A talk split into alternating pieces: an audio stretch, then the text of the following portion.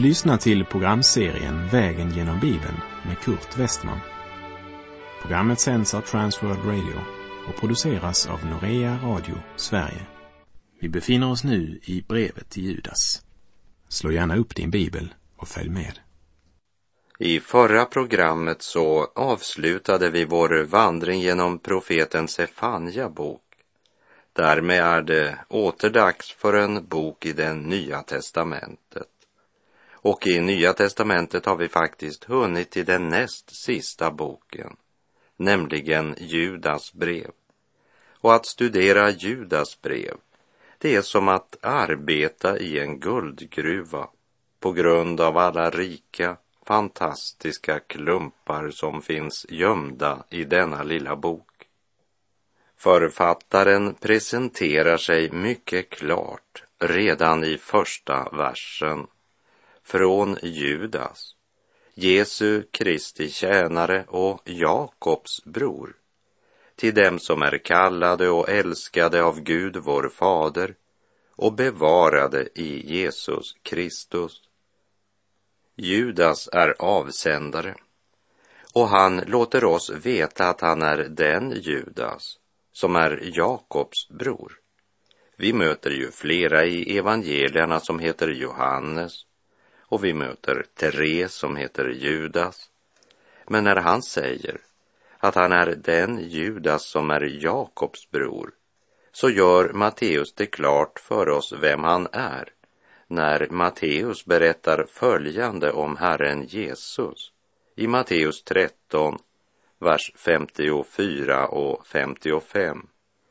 Han kom till sin hemstad och undervisade dem i deras synagoga och de blev mycket förvånade och sade Varifrån har han fått denna vishet och dessa kraftgärningar?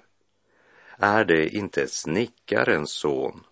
Heter inte hans mor Maria och hans bröder Jakob och Josef och Simon och Judas?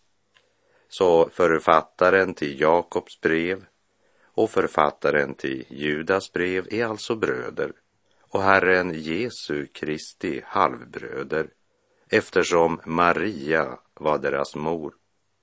Och det är väl värt att lägga märke till att varken Jakob eller Judas åberopar sig detta, att de är Jesu bröder. Jakob presenterar sig som Guds och Herren Jesu Kristi tjänare och Judas presenterar sig som Jesu Kristi tjänare och Jakobs bror. Judas kallar sig tjänare, det vill säga Jesu Kristi slav. Varken Jakob eller Judas försökte utnyttja sitt nära släktskap med Jesus. Och här går mina tankar till vad aposteln Paulus säger i Första Korinterbrevet kapitel 5, vers 16 till och med 18. Därför känner vi inte längre någon på ett ytligt sätt. Även om vi lärt känna Kristus på ett ytligt sätt känner vi honom inte så längre. Alltså, om någon är i Kristus är han en ny skapelse. Det gamla är förbi, se det nya har kommit. Allt kommer från Gud som har försonat oss med sig själv genom Kristus och gett oss försoningens tjänst. Därför känner vi inte någon på ett ytligt sätt. I norsk bibel är det översatt så här. Så känner vi från och med nu inte någon efter kött att inte längre känna någon på ett ytligt sätt eller därför bedömer jag inte längre någon på människors vis som det är översatt i Bibelsällskapets översättning av Nya testamentet 81. Och det säger oss att här handlar det inte om vilka jordiska släktrelationer vi har eller om några andra yttre förhållanden. Judas vet att även om han är en halvbror till Jesus så inser han att det gör varken till eller från. när det gäller hans relation till den uppståndne och förhärligade Kristus. Jag har alltid tyckt att protestanterna har ignorerat Maria. Hon var en underbar person och det var inte tillfälligheter som gjorde att Gud utvalde henne att föda Guds son. Men det betyder inte att hon ska upphöjas över andra människor. För om vi upphöjer henne över andra, då känner vi henne bara på ett ytligt sätt och glömmer att allt kommer från Gud, som har försonat oss med sig själv genom Kristus och gett oss försoningens tjänst. Maria ska inte upphöjas över alla andra människor, men hon har sin egen rättmätiga plats. Och Elisabet sa om henne, välsignad är du bland kvinnor. Hon sa inte, du är välsignad över alla kvinnor. Och Maria bekände själv att hon behövde en frälsare, som vi ser i Lukas 1, verserna 46 och 47. Min själ prisar Herren och min ande gläder sig i Gud, min frälsare. Satan vill att människan inte bara ska vända sig till den treenige Gud med sina böner, utan också till någon människa. För Satan vet att det som ber till någon eller något i tillägg till Gud, han bryter det första budet och vanhelgar Gud. I Andra Mosebok 20, vers 3 står det du skall inga andra gudar ha vid sidan av mig. Den vi ber till är vår Gud. Det är det viktigt att ha klart för sig. Därför är inte heller Maria upphöjd över andra kvinnor. Hon är upphöjd bland kvinnor. Det säger Guds ord. Både Jakob och Judas var klara över att deras nära släktskap med Jesus inte gav dem någon särställning, utan sanningen är den att alla är ni Guds barn genom tron på Kristus Jesus. Alla ni som har blivit döpta till Kristus har blivit iklädda Kristus. Här är inte jude eller grek, slav eller fri man och kvinna. Alla är ni ett i Kristus Jesus. Om ni nu tillhör honom är ni Abrahams avkomlingar, arvingar enligt löftet, som Paulus skriver i Galaterbrevet 3, verserna 26 till och med 29.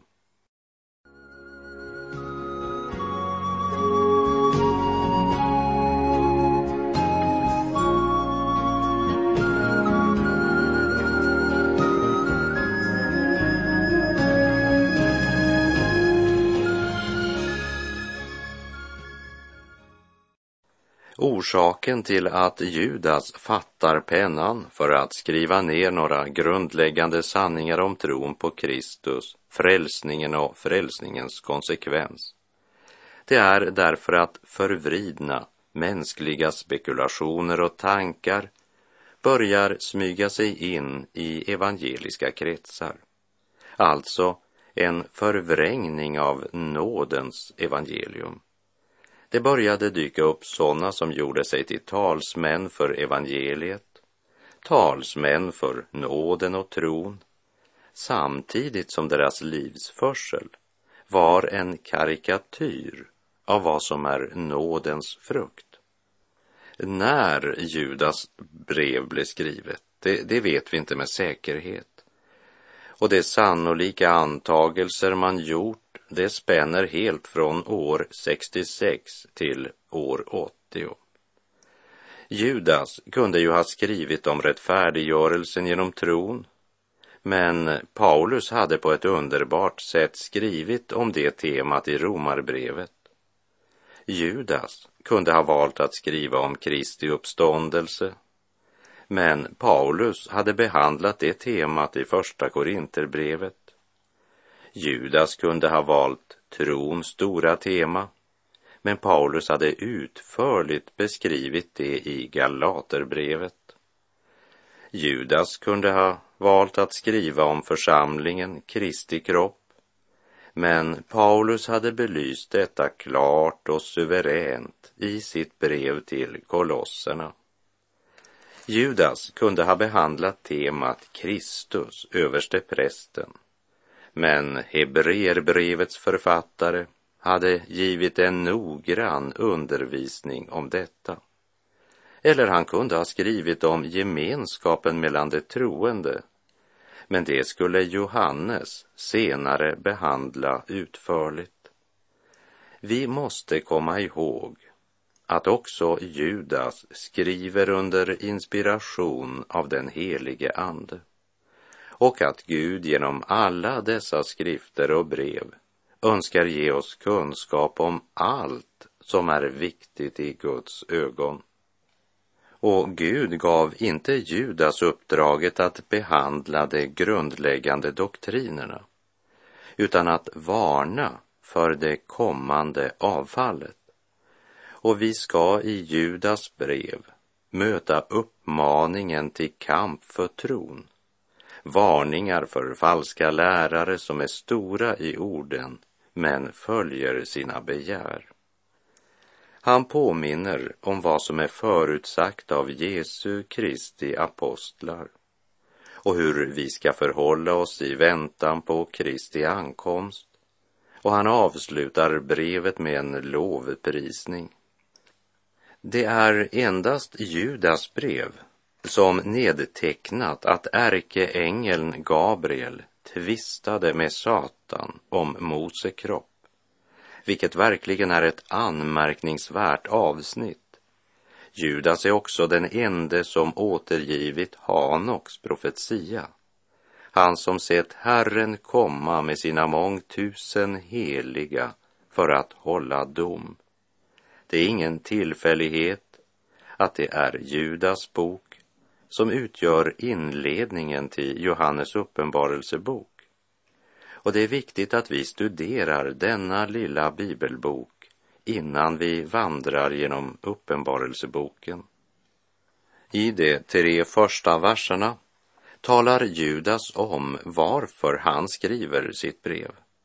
Och han låter oss veta att han först hade tänkt att skriva något på temat frälsningen, för som han säger, jag är mycket ivrig att skriva till er om vår gemensamma frälsning. Men då satte Guds ande upp stopptecknet. För det var något som det nu var ytterst viktigt att påminna om, nämligen en uppmaning att fortsätta kampen för tron. Och det var inte vilken som helst tro, men det var den tro som en gång för alla har överlämnats åt det heliga. En varning för avfallet som kommer att tränga in i den kristna församlingen. Och när Gud anser detta som något mycket viktigt bör vi inte ha för bråttom genom Judas brev. Jag vet att det finns både teologer och vissa församlingsmedlemmar som tycker att vissa brev inte är så viktiga. Och man ser kanske till och med med ett visst förakt på en del bibelböcker och anser dem inte värda att fördjupa sig i. Det är minst sagt skrämmande. Jag måste säga att det är inte alla böcker jag får lika mycket ut av att studera och det är mycket, mycket i skriften som jag inte förstår. Men det skulle aldrig falla mig in att kalla någon av Bibelns böcker för mindre viktig. Däremot ska jag villigt erkänna att det är många avsnitt som jag har en ytterst begränsad förståelse av. Men då sitter felet hos mig och inte i textavsnittet. Judas brev kapitel 1, vers 1 till och med 3. Från Judas, Jesu Kristi tjänare och Jakobs bror, till dem som är kallade och älskade i Gud vår fader och bevarade i Jesus Kristus. Må barmhärtighet, frid och kärlek i allt rikare mått komma er till del.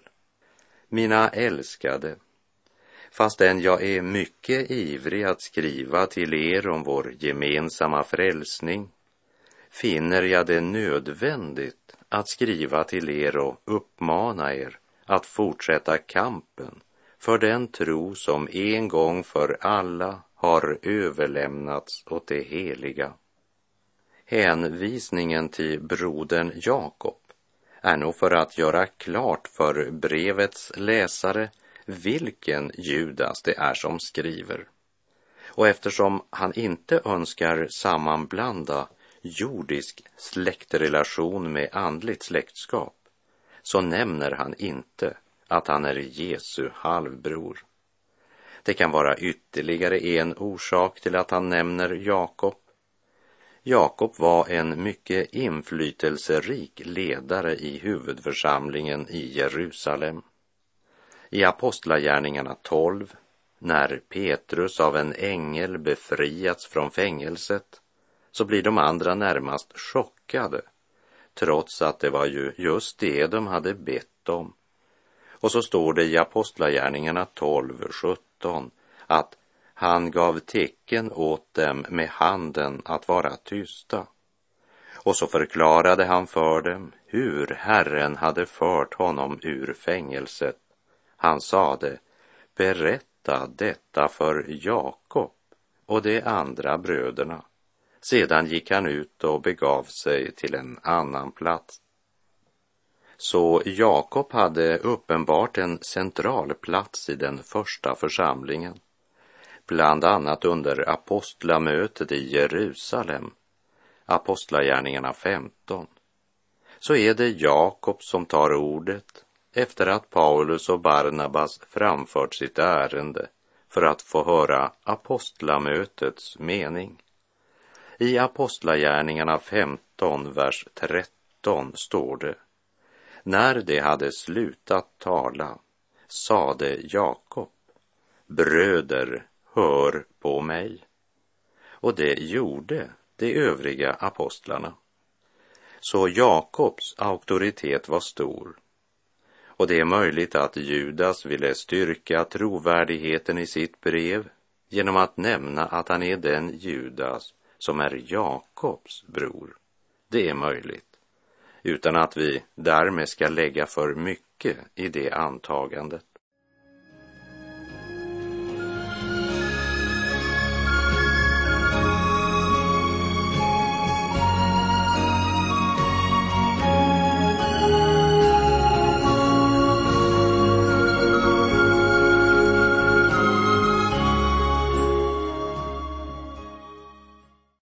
Det är alltså kampen för den sanna tron och ett värdigt liv som samsvarar med nådens evangelium och Guds fruktans hemlighet som ligger Judas på hjärtat. Genom hela kyrkohistorien har det visat sig att Judas brev med sitt klara kamprop varit högst nödvändigt när Judas presenterar sig som Jesu Kristi tjänare så påminner han därmed om att han i allt är underordnad Jesu Kristi vilja och herradöme. Jag har strukit ett tjockt streck under ordet bevarade i vers 1.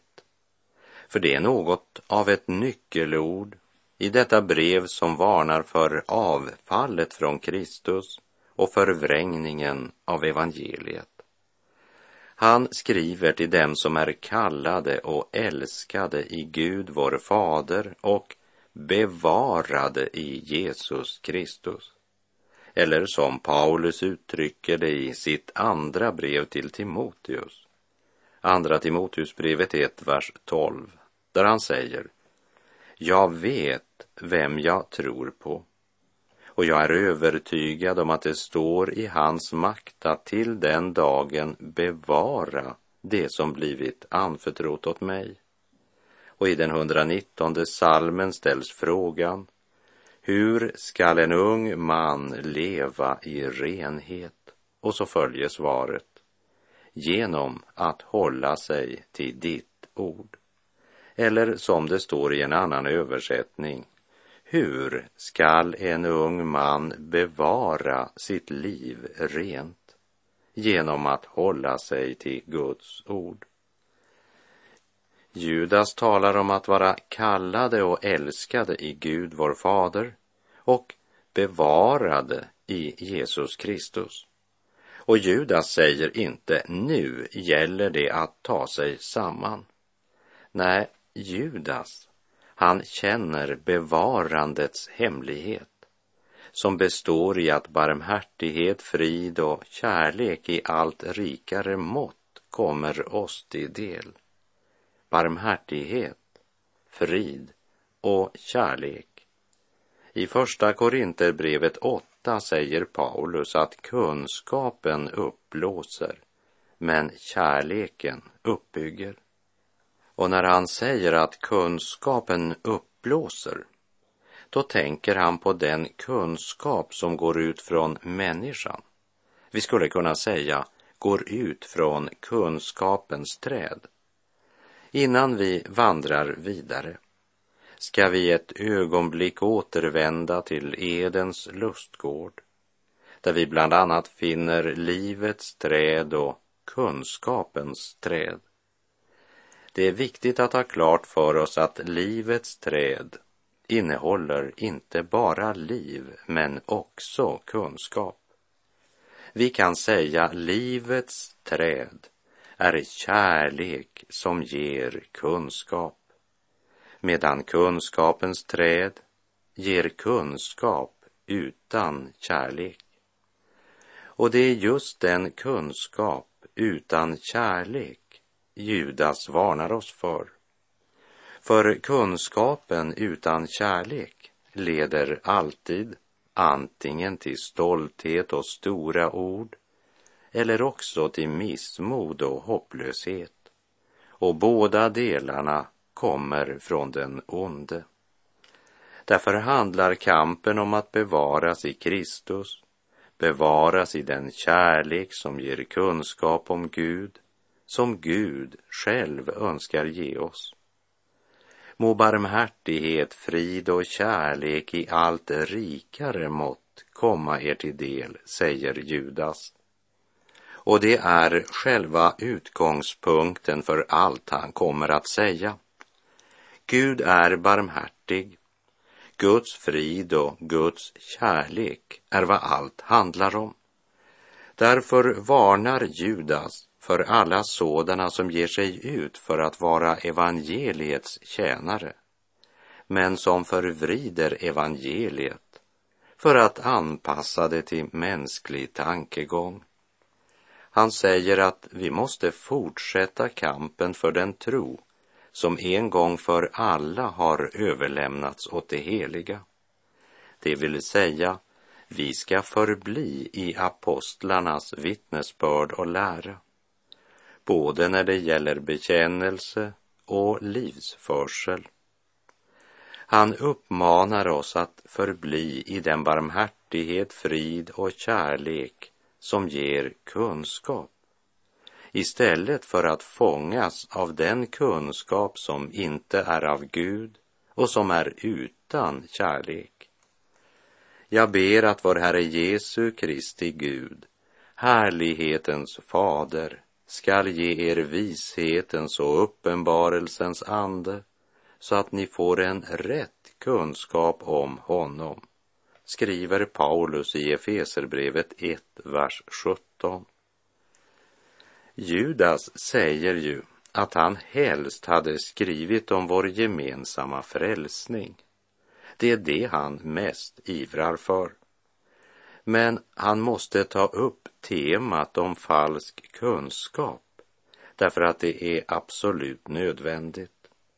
Samtidigt vet han att det är inte först och främst en kamp mot kött och blod, det vill säga inte mot andra människor, men framför allt en kamp mot lögnens furste, mot Satan och hans ande här. Och friheten i Kristus kan hotas på två fronter. Dels kan den hotas av det lagiska som säger att nu har Gud gjort sitt så nu ska du göra ditt för att få vara ett Guds barn. Men det är den andra fronten Judas svingar svärdet mot, nämligen den som säger sig vara Guds sändebud, men lever i kötslig frihet. Men när sanningen skiljs från friheten är det inte längre frihet i Kristus det handlar om, men villfarelse. Därför finner Judas det nödvändigt att skriva och uppmana till fortsatt kamp för den tro som en gång för alla har överlämnats åt det heliga. Här duger inte vilken som helst tro, säger Judas, utan endast den tro som en gång för alla har överlämnats åt det heliga. Och han manar till kamp. Så att vi är på vakt mot dessa som under sken av andlig frihet förvanskar Guds nåd till försvar för ett liv i utsvävningar. Det vill säga, man är inte så noga med hur man lever. Du ska inte ta det så högtidligt, säger man. Du måste följa ditt hjärta. Tror du inte att Gud skulle unna dig och ha lite kul? Om man ställer fel frågor är man garanterad att få fel svar. Och den sortens kunskap är utan kärlek, även om det är just kärlek de kallar det, när de förvanskar Guds ord. I Kolosserbrevet 1, vers 9 och 10 säger Paulus följande. Vår bön är att ni ska uppfyllas av kunskap om hans vilja med all andlig vishet och insikt så att ni kan leva värdigt Herren och i allt behaga honom när ni bär frukt i alla slags goda gärningar och växer till i kunskapen om Gud. Att växa i kunskap om Guds vilja innehåller ju också kunskapen att Gud älskar dig. Gud vill få meddela sin kärlek till dig så att du blir rik på all sorts insikt. Och denna uppenbarelse av Guds kärlek kommer att göra ditt hjärta varmt. Det vet Paulus, det vet Jakob och det vet Judas. Det är därför Judas börjar med att önska dem att Guds barmhärtighet, frid och kärlek i allt rikare mått ska komma dem till del. Och med det så är vår tid ute för den här gången. Herren vare med dig. Må hans välsignelse vila över dig. Må barmhärtighet, frid och kärlek i allt rikare mått komma dig till del. Gud är god.